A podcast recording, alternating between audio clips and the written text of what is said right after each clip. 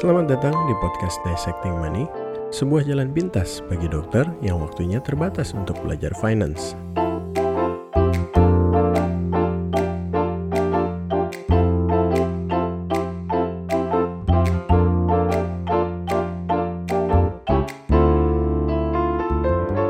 Well, hello again, disruptive doctors. Welcome back to the Dissecting Money podcast. Dan sekarang kita sudah di episode ke-26 yang saya beri judul Life After Internship atau kehidupan setelah internship. Cuma sebelumnya seperti biasa saya mau housekeeping dulu. Kita welcoming PSBB lagi ya terutama teman-teman yang berada di kota DKI Jakarta. Jadi mulai lagi PSBB-nya walaupun ya kita lihat mungkin tidak se-strict yang pertama tapi saya pribadi sih ya berharap uh, walaupun banyak yang bilang nggak efektif, tapi ya mudah-mudahan ini bisa cukup mengontrol lah penyebaran daripada COVID-19. Jangan lupa untuk selalu cek website di www.dissectingmoney.com untuk artikel-artikel yang baru dan juga cek media sosial di Instagram, Twitter maupun TikTok di @dissectingmoney. Walaupun saya lagi uh, agak mengurangi sedikit um, aktivitas di social media karena kemarin itu saya kira screen time saya udah terlalu banyak sampai ada yang 7 jam per hari. Jadi saya lagi mengurangi aktivitas di media sosial. Jadi kalau misalnya ada yang mau tetap mencari bahan-bahan uh, tulisan saya, saya kira lebih baik cek blog uh, yang saya akan post setiap minggu aja. Jangan lupa juga cek uh, YouTube channel Dissecting Money belum banyak lagi videonya, tapi mudah-mudahan dalam waktu dekat saya bisa punya waktu untuk niat ngerekam gitu. Karena ide-idenya sih sebenarnya udah ada, tinggal cari waktu untuk ngerekam aja itu yang kadang-kadang agak susah karena harus setup tripod, uh, kamera dan lain sebagainya. Jadi yang terakhir ini saya rekam, saya biasa rekam langsung dari uh, laptop aja. Yang penting kan pesannya. Anyway, terima kasih juga untuk yang sudah mengirimkan pertanyaan-pertanyaan maupun uh, komentar di SpeakPipe. Jadi jangan lupa kalau ada yang mau kirim pertanyaan, sejawat dan pendengar sekalian bisa kirim melalui speakpipe.com slash dissectingmoney supaya suaranya bisa dimainkan di podcast ini dan kemudian bisa saya jawab dan kita jadi uh, punya materi untuk uh, sejawat dan pendengar sekalian belajar. Bisa juga kalau yang nggak mau suaranya di feature di podcast ini bisa kirimkan email ke editor at dissectingmoney.com. Pada episode ini kayak saya juga akan bahas satu, uh, saya akan coba jawab satu pertanyaan daripada sejawat. Sedikit tribute untuk sejawat THT ya teman-teman spesialis THT dan uh, siapa pun yang bertugas untuk menswab pasien-pasien yang curiga COVID-19. Um, semangat ya karena saya tahu di saat kita semua takut sama kontak, sejawat sekalian harus depan-depanan dan actually harus nge-swab mereka gitu. Jadi ya I thank you for that. Mudah-mudahan sejawat sekalian tetap aman, tetap sehat di mana pun sejawat bekerja. Oke, seperti saya bilang tadi, ada satu pertanyaan yang mau saya jawab yang masuk melalui SpeakPipe. Halo Dr. Jefta, saya Andreas, 23 tahun, koas di salah satu universitas swasta di Surabaya. Untuk profil keuangan saya, saat ini untuk biaya kuliah dan tempat tinggal saya masih ditanggung oleh orang tua saya. Kemudian untuk dana darurat, saya sudah mengumpulkannya sejak beberapa tahun lalu dan sudah terkumpul di reksadana pasar uang. Kemudian untuk asuransi kesehatan ditanggung oleh orang tua saya dan saya juga sudah memiliki BPJS Kesehatan. Kemudian untuk uang saku saya dari orang tua mendapatkan 2 juta rupiah per bulan. Dan setiap bulannya saya menyisihkan 20% di awal, yaitu 400 ribu untuk saya tabung. Nah, sekarang masalahnya saya ingin menabung saham. Awalnya saya hanya tahu uh, beberapa aplikasi untuk menabung saham itu memerlukan NPWP untuk membuka rekening dana nasabahnya. Dan saya yang belum bekerja dan tidak memiliki NPWP awalnya tidak bisa mendaftar. Namun dua bulan yang lalu ada suatu aplikasi yang uh, bisa mendaftar dan buka rekening dana nasabah tanpa NPWP.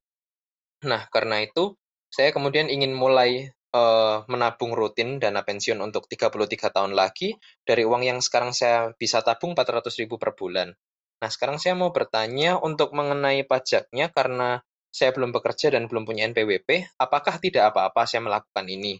Apakah pajak itu nanti bisa diurus nanti saja setelah saya sudah bekerja dan memiliki NPWP? Sekian, terima kasih dokter.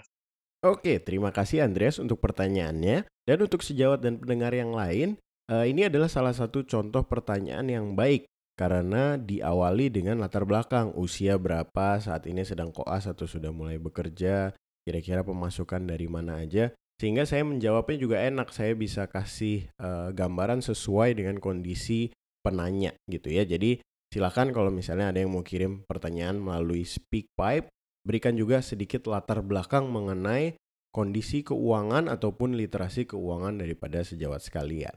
Anyway, sedikit komentar nih sangat karena menurut saya Andreas ini sudah sangat bagus sekali gitu ya, masih koas tapi sudah terkumpul dana daruratnya dan sudah punya asuransi juga walaupun masih dibayarin orang tua tapi saya kira itu suatu hal yang baik dan sekarang Andreas sudah mulai berinvestasi. Um, investasi di uh, eh, RDN atau rekening dana nasabah sudah bisa dibuka uh, mau invest saham tapi tanpa NPWP pajaknya bagaimana? Nah, Perlu dibedakan antara dikenakan pajak artinya dipotong pajak dengan kewajiban untuk melapor pajak. Kenapa? Karena kalau misalnya investasi di saham tanpa NPWP itu sebenarnya pada saat returnnya misalnya kita cairkan dan kita dapat untung itu sudah dipotong oleh perusahaan sekuritas di mana kita terdaftar di dalamnya. Tapi karena sebagai investor kita belum menjadi wajib pajak, makanya namanya kan NPWP, nomor pokok si wajib pajak.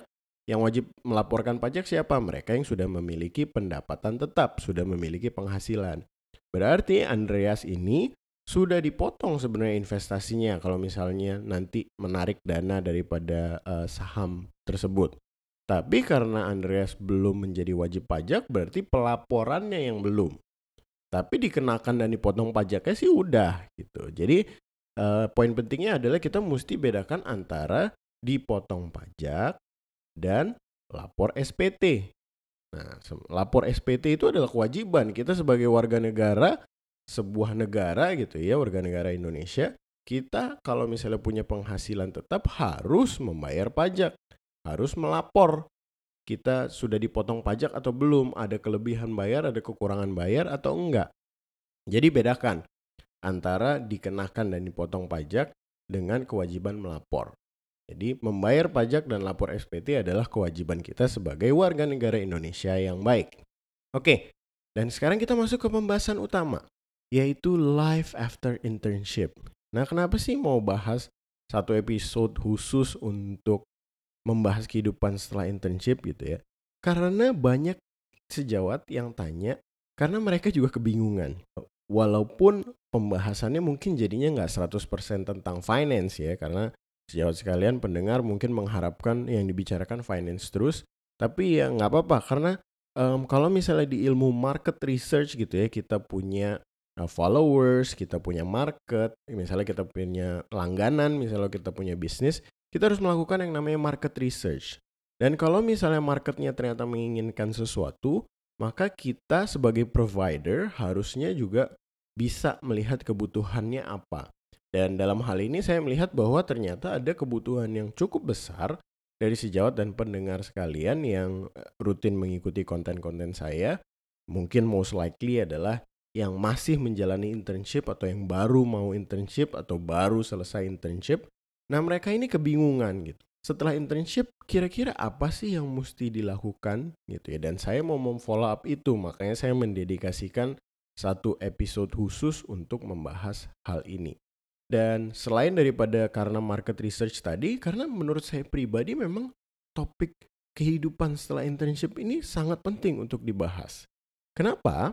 Karena saya sendiri sudah merasakan dulu ya tahun 2012 saya mulai internship dan tahun 2013 saya selesai internship dan itu adalah itu adalah momen pertama di dalam hidup kita sebagai seorang mahasiswa kedokteran yang lulus kemudian jadi dokter. Itu adalah momen pertama dalam hidup seorang dokter di mana kita tidak punya tujuan selanjutnya. Kenapa? Karena dulu kita sekolah habis TK SD, SD SMP, SMP SMA, SMA kuliah. Selesai kuliah, kita harus menentukan sendiri arah kita mau ke mana. Ya, jadi sepertinya sebelumnya tuh sudah ada gitu loh, next stepnya apa. Nah, tapi setelah selesai internship, biasanya yang kita takuti adalah karena kita nggak punya tujuan selanjutnya. Terserah mau kita bawa ke mana gitu ya, mau sekolah kah jadi PPDS atau mau membangun karir sendiri, buka praktek pribadi atau kerja di rumah sakit, uh, ini kali pertama kita kalau misalnya diibaratkan kerbau yang dicucuk hidungnya gitu ya. Ini seperti pertama kali kita nggak dicucuk hidungnya. Jadi terserah kita mau ke mana. Kalau misalnya ada yang nonton atau ngikutin uh, drama Korea It's Okay to Not Be Okay, ada satu cerita yang bagus tuh di situ dibilang bahwa uh, seekor anjing yang terbiasa untuk diikat atau dikasih leash gitu ya. Kadang-kadang kalau misalnya dilepas, kemudian dia juga nggak mau lari. Gitu. Karena dia sudah lupa gimana caranya memiliki kebebasan. Ya, jadi mungkin kurang lebih seperti itulah. Jadi kita selama ini hidup SMP, SMA, habis SMA kuliah kedokteran, lama lagi kuliahnya kan. Setelah itu wajib lagi internship satu tahun. Nah setelah itu kita bebas menentukan mau ke mana. Sehingga kita kadang-kadang kagok, kita kaget dan jadinya takut gitu loh. Dan saya sendiri juga mengalami hal itu. Saya harus menentukan sendiri setelah internship saya mau ngapain. Um, Sebenarnya kebutuhan sejawat sekalian gitu ya teman-teman yang lagi internship atau yang baru mau selesai internship, saya jadi melihat besarnya kebutuhan ini artinya sebenarnya kita di dunia kedokteran itu jarang sekali ada sesi sharing antara alumni FK dengan para lulusan baru gitu ya. Jadi kalau dipikir-pikir iya juga ya, jarang tuh ada sesi di mana yang udah uh, lulus kemudian balik uh, cerita ke adik-adik kelasnya uh, bagaimana sih kehidupan setelah internship misalnya atau bagaimana kehidupan setelah lulus dan mau internship. Ya mungkin nggak semua nggak ada seperti ini tapi kalau saya lihat sih mayoritas nggak ada gitu loh. Jadi udah lulus ya lu lu ya gue gue gitu. Jadi um, in a way ya kita lihat di sini bahwa kedokteran itu somehow individualistis sekali setelah lulus gitu ya setelah kita punya topi sarjana terus kita jadi ngurusnya diri sendiri aja dan ini yang menurut saya kadang-kadang jadi terbawa sampai dengan urusan duit gitu loh. Jadi praktek gue ya praktek gue praktek lu ya praktek lu gitu loh. Jadi saya kira ini suatu hal yang yang kurang baik sebenarnya di uh, ranah kedokteran. Jadi mudah-mudahan kita bisa mengubahnya ya generasi sekarang dan generasi ke bawahnya. Let us all be disruptive doctors. Jadi jangan sampai kita individualistis, mulailah sharing dengan adik-adik kelas kita dan jangan sampai nggak terbuka kalau misalnya ngomongin duit gitu loh. Ya. Karena kadang-kadang itu yang menyebabkan friksi di antar uh, dokter. Anyway, karena kita mau membahasnya adalah kehidupan setelah internship, maka saya akan memberikan beberapa tips dan trik yang menurut saya bisa sejawat dan pendengar sekalian pakai untuk jadi guide semacam guide lah ya tapi ini adalah saran saya aja jadi bukan suatu keharusan yang harus diikuti jadi semacam guide supaya bisa jelas lah sebenarnya dunia apa sih yang menunggu kita atau apa sih yang harus kita lakukan setelah kita menyelesaikan internship. Ya jadi saya menilik dari hal yang saya alami pastinya. Karena yang nggak saya alami ya mungkin saya hanya akan sebut secara general aja. Tapi hal-hal yang saya alami langsung mungkin saya akan bicarakan lebih spesifik. Jadi menurut saya nih yang pertama nih tips pertama dari saya yang harus sejawat dan pendengar sekalian lakukan setelah selesai internship jadi lepas dari internship adalah mengambil periode bekerja minimal satu tahun sebagai dokter umum atau sebagai GP atau sebagai RMO ya terserahlah istilahnya apa. Tapi ambillah minimal satu tahun untuk kerja sebagai dokter umum. Terserah mau ambil PTT silakan, mau kerja di RSUD silakan, mau kerja di rumah sakit swasta pun terserah. Itu ya, tapi minimal satu tahun. Kenapa? Karena menurut saya satu tahun ini atau lebih ya silakan karena tadi saya bilang minimal ini akan menjadi periode yang sangat membantu menentukan karir sejawat sekalian mau dibawa ke mana. Karena saya ulang lagi sekali lagi ya bahwa ini adalah menjadi kali pertama kita bisa menentukan hidup kita mau dibawa ke mana. Sebelumnya kita nggak pernah dihadapkan dengan keputusan sebesar ini. Jadi lebih baik ambil waktu dulu untuk merasakan kerja sebagai dokter umum tuh kayak apa sih gitu ya. Makanya saya bilang minimal satu tahun untuk membantu kita menentukan where or what do we want to do in life. Jangan terburu-buru dalam menetapkan. Jadi sambil jalan aja silahkan jalani aja praktek sebagai dokter umumnya terserah mau kerja bangsal, kerja IGD kayak terserah. Tapi jangan terburu-buru dalam menetapkan berikutnya kita mau ke mana. Minimal ambillah satu tahun. Maksudnya arah apa sih? Tadi dokter bilang membantu menentukan karir kita mau dibawa ke arah mana. Arah-arahnya tuh maksudnya apa? Ya banyak sebenarnya. Jadi um, menjadi seorang lulusan dokter umum itu kan nggak harus jadi klinisi gitu loh. Itu hanya salah satu opsi. Jadi opsi-opsi yang ada atau arah-arah yang mungkin bisa menjadi pilihan kita yang pertama adalah sebagai seorang klinisi. Ya, karena ini yang paling banyak, jadi kita bahas dulu.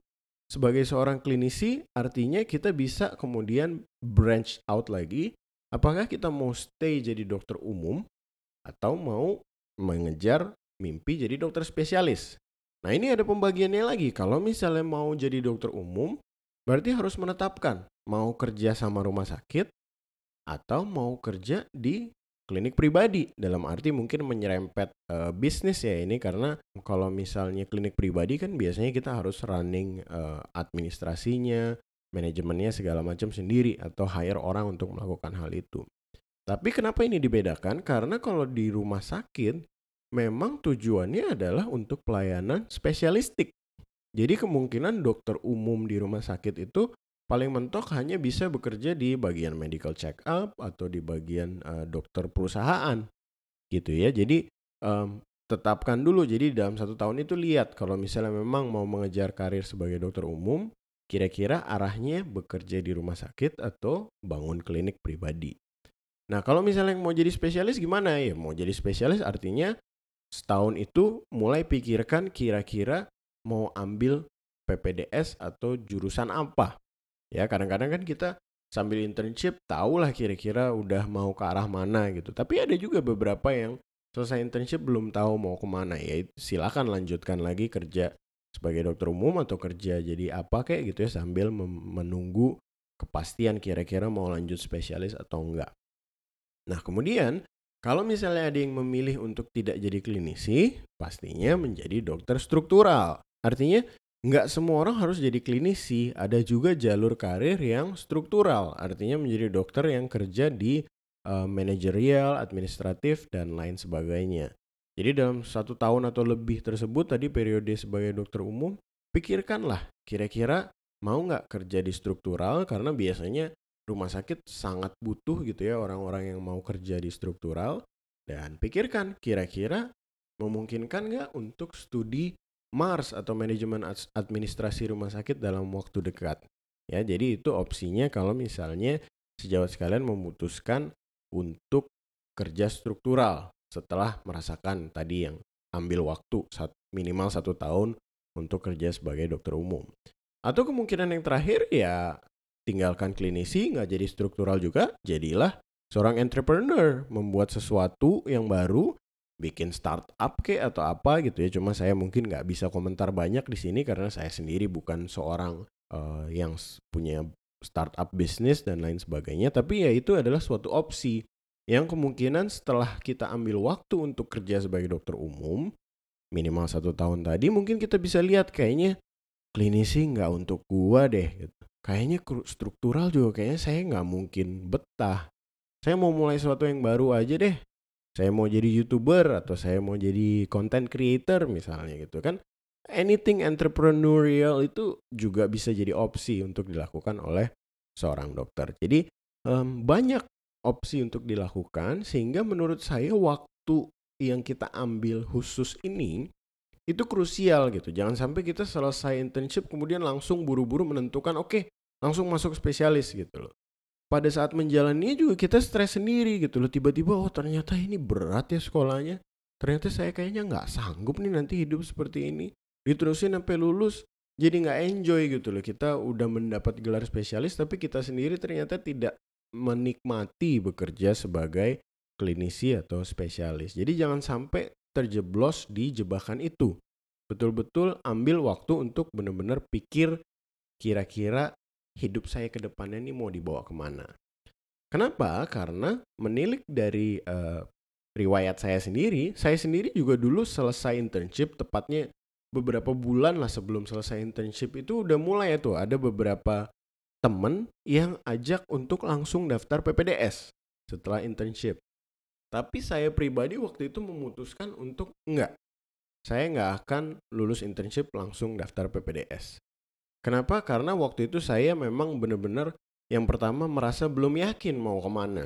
Ya, belum yakin betul-betul mau ambil ortopedi walaupun udah ada uh, ya 70% lah let's say kira-kira kayaknya mau spesialis ortopedi tapi saya merasa belum yakin karir saya mau ke mana kemudian yang kedua saya merasa kemampuan klinis saya tumpul setelah internship. Kenapa? Karena empat bulan terakhir itu saya di puskesmas. Saya bukan bilang artinya semua dokter puskesmas itu kemampuan klinisnya tumpul, tapi kita tahu lah bahwa kasus-kasus yang dihadapi itu ya tidak terlalu variatif gitu ya. Batuk pilek demam obatnya PCT CTM GG jadi sejawat sekalian tahu gimana rasanya sehari-hari bekerja di puskesmas sehingga saya merasa kayaknya kalau saya dapat pasien gawat darurat emergency saya nggak akan bisa nanganin nih. Nah, jadi saya mau dapat pengalaman klinis lebih lagi makanya saya memutuskan untuk bekerja dulu waktu itu selama satu tahun. Dan saya kenapa berpikir mau kerja dulu juga? Karena menurut saya memang internship itu nggak akan laku untuk dianggap sebagai pengalaman klinis untuk daftar PPDS. Ya, karena itu kan sesuatu yang sifatnya kewajiban. Dan secara wewenang juga kita masih di bawah dokter umum supervisor gitu loh. Jadi harganya dalam tanda kutip nggak terlalu tinggi untuk daftar PPDS. Terus saya mikir gitu ya, toh masuk PPDS cepet-cepet juga belum tentu lulus duluan. Kita sering kok dengar cerita di mana juniornya lulus duluan gitu ya seniornya terhambat paper lah terhambat apa jadi nggak usah buru-buru jadi itu pesan dari saya pertama jangan buru-buru menentukan kita mau ke mana? Jangan terburu-buru menentukan langsung ambil spesialis. Ambillah minimal satu tahun periode waktu rasain kerja sebagai dokter umum sambil menentukan kira-kira kita mau bawa hidup kita ke arah mana. Nah kemudian yang kedua nih setelah memutuskan untuk oke okay, kerja deh gitu ya nikmatilah waktu satu tahun ini. Ya karena saya pribadi sangat bersyukur karena saya pernah merasakan walaupun cuma satu tahun bekerja sebagai dokter umum itu saya di salah satu rumah sakit swasta nikmatilah hal-hal baiknya nikmatilah hal-hal buruknya karena ya kita tahu lah mungkin yang baru lulus nggak tahu gitu ya cuma yang sudah pernah merasakan kerja jadi dokter umum kita tahu lah bahwa masa-masa tersebut nggak akan terus-menerus enak aja gitu. Banyak tantangannya. Jadi akan ada juga uh, up times-nya, akan ada juga down times-nya. Jadi pesan saya di awal sebelum sejawat sekalian lepas internship dan kemudian bekerja sebagai dokter umum, just prepare for both the bad and good things and enjoy them. Apa hal-hal apa sih yang bisa dinikmati? Ya punya teman dari alma mater berbeda gitu ya. Karena ini kan pertama kali kita kerja di mana nggak sama lingkup pengaruh kita sebelumnya kita kerja nanti nggak akan sama teman-teman kita karena teman-teman kita udah cari kerja di tempat yang deket rumahnya masing-masing ya nggak bisa sama-sama lagi kayak dulu waktu koas waktu internship kerjanya sama teman yang kita kenal ini akan menjadi suatu hal yang baru kita harus kenalan sama rekan-rekan GP uh, yang baru, uh, rekan-rekan spesialis gitu ya, sejawat spesialis. Jadinya punya teman dari alma mater yang berbeda. Jadi lingkup pengaruh kita nggak sempit, perluas. Dan di sinilah kita bisa lakukan networking. Sampai sekarang aja saya masih punya uh, grup yang isinya teman-teman saya yang dulu waktu kita kerja bareng-bareng di uh, satu rumah sakit sebagai GP ya. Ada yang lulusan uh, dari Malang, ada yang dari Jakarta juga. Jadi um, saya kenal banyak orang di situ. Jadi mulailah networking di situ. Kemudian apa yang kita enjoy juga, enjoylah dan mulai kenali apa itu birokrasi di dalam rumah sakit, bagaimana biasanya manajemen rumah sakit itu suka berantem lawan klinisi gitu ya karena kadang-kadang tidak satu tujuan, tidak satu visi. Ini hal-hal yang lazim terjadi di lingkungan rumah sakit. Jadi lihatlah dan nggak usah terlalu bete-bete, nikmati aja bahwa ternyata memang dinamika di dalam dunia kedokteran tuh ada dan seperti itu. Hierarki antar dokter gitu ya kadang-kadang sebagai GP nggak dianggap, yang dianggap adalah ekspertisenya dokter-dokter spesialis. Ya itu normal gitu loh, di mana-mana terjadi seperti itu. Jadi dinikmati aja, nikmatilah satu tahun ini. Enjoy the priceless memories you're gonna have as a GP. Percayalah, saya sama sekali nggak nyesel dulu ya saya sempetin satu tahun kerja dulu karena saya betul-betul dapat kenangan-kenangan yang sangat berharga yang saya nggak lupa sampai sekarang. Nah kemudian tips ketiga dari saya setelah kita uh, menentukan untuk ngambil waktu nih minimal satu tahun untuk kerja, sempatkanlah untuk cari mentor. Ya saya udah pernah uh, utarakan di beberapa webinar saya mengenai persiapan untuk masuk studi PPDS. Dan ini mentor ini bisa limitless kemungkinannya. Kalau mau struktural ya carilah mentor di bidang struktural. Nah ini contoh langsung nih karena saya betul-betul melihat contohnya dari ibu saya sendiri. Ya jadi ibu saya sendiri itu dulu at one point of time gitu ya waktu itu pulang dari PTT sama ayah saya. Kemudian ibu saya memutuskan karena ayah saya mau ambil spesialis waktu itu oke okay, ibu saya memutuskan saya mau kerja struktural aja. Dan pada saat kerja struktural ini, di awal ibu saya ketemu sama seseorang yang akhirnya jadi bosnya di awal-awal dan itu jadi mentor ibu saya sampai sekarang. Mereka masih deket sekali dan saya sendiri masih ngelihatnya itu seakan-akan udah seperti keluarga gitu loh, seperti tante saya gitu. Walaupun sebenarnya dia adalah mentor dari ibu saya di pekerjaan struktural tersebut. Ya, jadi bisa aja cari mentor di uh, bagian struktural itu bukan sesuatu yang tidak mungkin. Nah, kalau misalnya memilih untuk jadi klinisi, misalnya artinya mau jadi spesialis nantinya, carilah seorang spesialis di bagian yang kita ingini. Misalnya saya mau masuk ortopedi, carilah spesialis ortopedi untuk dijadikan mentor. Ya ini yang orang-orang sering bilang jadinya magang gitu ya. Tapi menurut saya sebenarnya yang kita cari itu bukan magang untuk hanya dapat tanda tangan rekomendasi gitu ya magang untuk supaya ngelobi-lobi supaya bisa masuk jadi PPDS bukan itu cuma kita betul-betul mencari seorang mentor. Begitupun kalau misalnya mau jadi entrepreneur ya nggak mau jadi klinisi nggak mau struktural ya silahkan cari di luar sana kira-kira dokter-dokter mana yang berhasil dengan entrepreneurship dan mintalah untuk uh, jadi mentor untuk sejawat sekalian Nah, kenapa sih cari mentor itu penting? Nah, ini saya bahas dari segi yang mentor spesialis ya, karena saya nggak tahu, saya nggak mengalami punya mentor struktural dan mentor uh, entrepreneur. Tapi brief atau general idea-nya menurut saya kurang lebih sama lah. Kenapa kita harus cari mentor? Untuk memberikan kita gambaran kira-kira nanti keseharian kita 10 sampai 20 tahun ke depan tuh kayak apa sih? Jadi kalau misalnya kita lihat spesialis, misalnya spesialis ortopedi, saya punya mentor spesialis ortopedi, waktu itu saya benar-benar punya ya mentor. Kita jadi tahu kira-kira kesehariannya kayak apa sih? Mulai praktek jam berapa, ketemu pasien berapa banyak, variasi kasusnya apa aja. Setelah itu pindah ke praktek lain atau operasi, kira-kira pengaturan jamnya gimana. Jadi kita bisa lihat loh, kalau misalnya, oh ternyata jadi spesialis ini pulangnya baru jam satu malam setiap hari gitu. Terus kita ngelihat kayaknya saya nggak mau deh hidup saya nanti kayak gini, saya nggak bisa ketemu anak saya di usia sekolahnya dan lain sebagainya. Ya udah, kita jadi dapat jawaban kita bahwa ternyata kita nggak mau hidup kita 10 sampai 20 tahun ke depan seperti itu. Walaupun ya pastinya satu mentor uh, sama yang lain, spesialis yang lain belum tentu sama ya. Cuma minimal kita tahu lah, kita ada gambaran keseharian seseorang itu seperti apa keseharian di dunia struktural itu seperti apa? Kira-kira kita bakal enjoy nggak 10 sampai 20 tahun ke depan melakukan hal itu. Kemudian yang kedua, kenapa harus punya mentor adalah kalau misalnya mau menjadi spesialis ya kita bisa lihat kasus langsung. Kita bisa lihat kasus-kasus apa, misalnya mau masuk rehab, kita bisa lihat kasus misalnya post stroke dan lain sebagainya, speech therapy, kita bisa lihat kasus langsung kita hands on ya karena kita kan ngikut sama mentornya kita lihat pasiennya bisa ikut anamnesis PF tahu penunjang-penunjangnya dan lain sebagainya kita lihat kasus langsung. Sehingga belajarnya pun jadi lebih terarah. Ya yang tadinya kita dokter secara umum kita mengetahui semuanya kita mulai belajar hal-hal yang spesialistik. Lebih terarah lebih mendalam. Kita uh, menyempitkan uh, ekspertise kita tapi kita tahunya jadi lebih dalam gitu ya. Belajar kita jadi lebih terarah.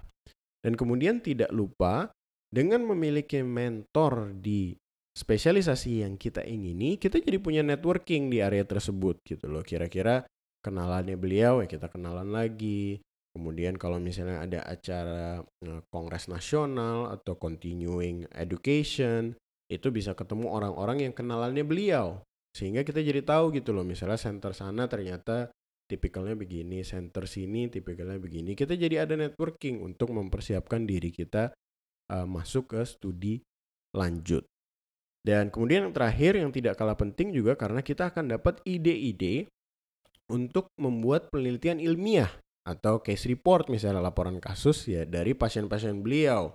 Jadi bisa minta ke mentor kita arahan atau bahkan tawarkan gitu ya kira-kira ada nggak yang bisa dijadikan uh, laporan kasus nanti saya kita akan bikin sama-sama. Jadi um, ini adalah sesuatu yang menarik dan menurut saya kalau berhasil dipublikasikan akan menjadi seperti silver ticket gitu ya untuk masuk ke PPDS karena itu akan menjadi penilaian yang bagus sekali. Dan hal terakhir yang bisa dilakukan di masa-masa kita mengambil waktu tadi, minimal satu tahun untuk kerja sebagai GP, belajar finance. Kenapa? Karena seperti yang selalu saya bilang, kalau kita tidak mulai mempelajari finance, someday we're gonna pay for it. If we don't study finance, someday we're gonna have to pay for it dalam bentuk fee yang tidak kita ketahui ternyata digrogoti dalam bentuk jatuh ke investasi bodong lah. Eventually we're gonna pay for it if we don't have the sufficient financial literacy. Sadarilah bahwa sebagai dokter ya, mau lulusan internship kayak lulusan spesialis kayak, kalau misalnya kita nggak belajar finance sama sekali, kita akan selalu handicapped atau pincang dalam hal literasi keuangan jika dibandingkan dengan orang-orang yang mempelajarinya. Kemudian jangan lupa mengenai duitnya nih ya, sehubungan dengan seseorang yang baru selesai dari internship. BHD-nya jangan dihambur-hamburkan. Ya jangan seperti saya, saya sama sekali nggak tahu dulu BHD internship itu sekarang jadi apa, duitnya udah nggak ada sama sekali. Mungkin jadi jaket yang udah saya buang lima tahun yang lalu, mungkin udah jadi celana yang udah sobek-sobek, udah saya buang gitu ya. Jangan dihambur-hamburkan. Pelajarilah finance dan kalau bisa BHD yang masih bisa ditabung, ya jadikanlah either dana darurat atau jadikan investasi untuk jangka panjang. Nah ini satu hal yang penting mengenai keuangan untuk dilatih selesai internship, yaitu usahakan untuk keluar dari lifestyle orang tua sejawat sekalian. Cobalah untuk hidup dari gaji sendiri, gaji sebagai GP. Kenapa ini penting? Karena kita nggak sadar kalau misalnya nggak diomongin gitu ya bahwa selama ini misalnya seseorang yang dari uh, latar belakang keluarga menengah ke atas sudah terbiasa gitu loh. Misalnya tiga tahun HP selalu ganti jadi HP flagship terbaru misalnya. Tapi jangan lupa ya loh, waktu itu tuh berdasarkan lifestyle orang tua. Kita dulu bisa hidup seperti itu karena uangnya masih dari orang tua. Sementara kalau misalnya kita udah punya kerjaan sendiri, harusnya kita mulai latihan untuk gaya hidup kita atau lifestyle kita disesuaikan dengan gaji kita. Kalau misalnya nggak cukup untuk beli HP flagship, harus nabung tiga bulan dulu, tiga bulan gaji full baru bisa beli HP flagship, ya berarti we can't afford it. Secara gaji kita, kita tidak bisa afford lifestyle itu. Jadi jangan sampai kemudian uh, punya gaji awal sebagai dokter umum, kemudian gaya hidupnya masih meneruskan gaya hidup dari duit orang tua tadi gitu loh. Jadi ini yang benar-benar menurut saya harus dilatih selepas dari internship. Latihan catat pengeluaran ya. Saya udah sering ngomong, mulai budgeting, lakukan penganggaran, alokasikan setiap bulan gaji berapa persen untuk kebutuhan, keinginan dan berapa yang mau diinvestasikan. Jangan lupa alokasikan juga uang, jadi karena di budgeting kan dianggarkan, anggarkan untuk simposium-simposium ya karena jangan lupa dokter umum juga butuh SKP untuk perpanjangan STR dan juga untuk self growth. Apalagi yang mau belajar kita kan udah mulai harus ikut simposium-simposium yang uh, sesuai dengan spesialisasi yang kita inginkan. Dan hal kecil terakhir, mulailah belajar pajak. Ya, karena kalau enggak nanti pada saat lulus spesialis pun akan pusing mengenai pajak kalau misalnya kayak saya nih sekarang akan pusing karena saya nggak pernah mempelajari soal itu. Nah ini satu cerita lucu gitu ya. Saya itu saking gak ngertinya pajak dulu sebagai dokter umum kerja di rumah sakit swasta. Saya kira kalau misalnya udah dikasih laporan pemotongan oleh rumah sakit itu, saya kira artinya kewajiban saya udah selesai. Saya kira itu, oh udah, saya udah bayar pajak. Padahal kan ada yang namanya harus lapor SPT. Nah itu saya nggak tahu bahwa harus lapor gitu loh. Kita benar-benar harus melaporkan ini slip gajinya udah dipotong, ada kurang bayar atau enggak nanti ditentukan oleh Dirjen Pajak. Jadi ya kita memang nggak ada pembekalan sama sekali untuk mengurus ini sebagai dokter. Di FK nggak diajarin, di studi spesialis nggak diajarin, di internship juga nggak diajarin. Jadi belajarlah pajak. Itu sesuatu yang harus kita pelajari sendiri dan itu kewajiban kita dan kita harus mengerti. Karena ya tahun-tahun berikutnya dua dekade tiga dekade kita praktek ya kita akan selalu berurusan dengan pajak. Saya kira itu aja empat tips dari saya. Mungkin sedikit saya ulang. Yaitu yang pertama jangan buru-buru menentukan langsung mau ke mana ambillah minimal satu tahun kerja sebagai dokter umum yang kedua enjoy aja satu tahun tersebut all the bad and the good things yang ketiga cari mentor untuk menjadi guide kita. Dan yang terakhir, sempatkan untuk belajar tentang finance. Untuk menutup, saya mau mengucapkan untuk angkatan COVID-19 ya dalam tanda kutip. Kenapa? Karena banyak sekali yang ngomong bahwa ada lulusan yang angkatan COVID-19. Karena begitu lulus, selesai internship atau selesai PPDS, langsung dihajar pandemi COVID-19. Saya mau kasih pesan bahwa untuk sejawat sekalian, jangan kecil hati selalu buka mata untuk kesempatan-kesempatan.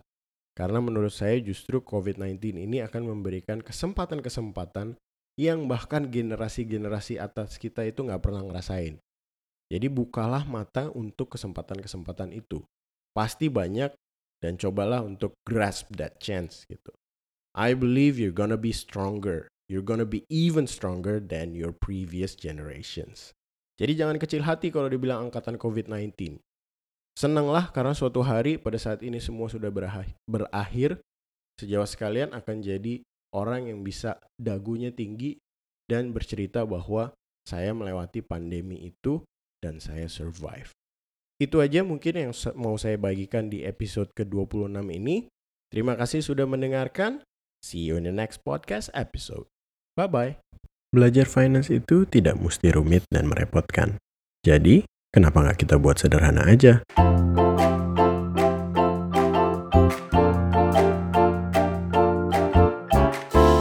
Sedikit disclaimer bahwa saya, Dr. Jefta Tobing, adalah seorang spesialis ortopedi. Saya bukanlah financial planner atau akuntan, ataupun pengacara keuangan atau bisnis. Sehingga informasi yang Anda dengar di podcast ini biarlah untuk bahan informasi dan untuk senang-senang saja. Jangan dijadikan saran keuangan yang formal. Terima kasih, sampai jumpa di episode podcast berikutnya.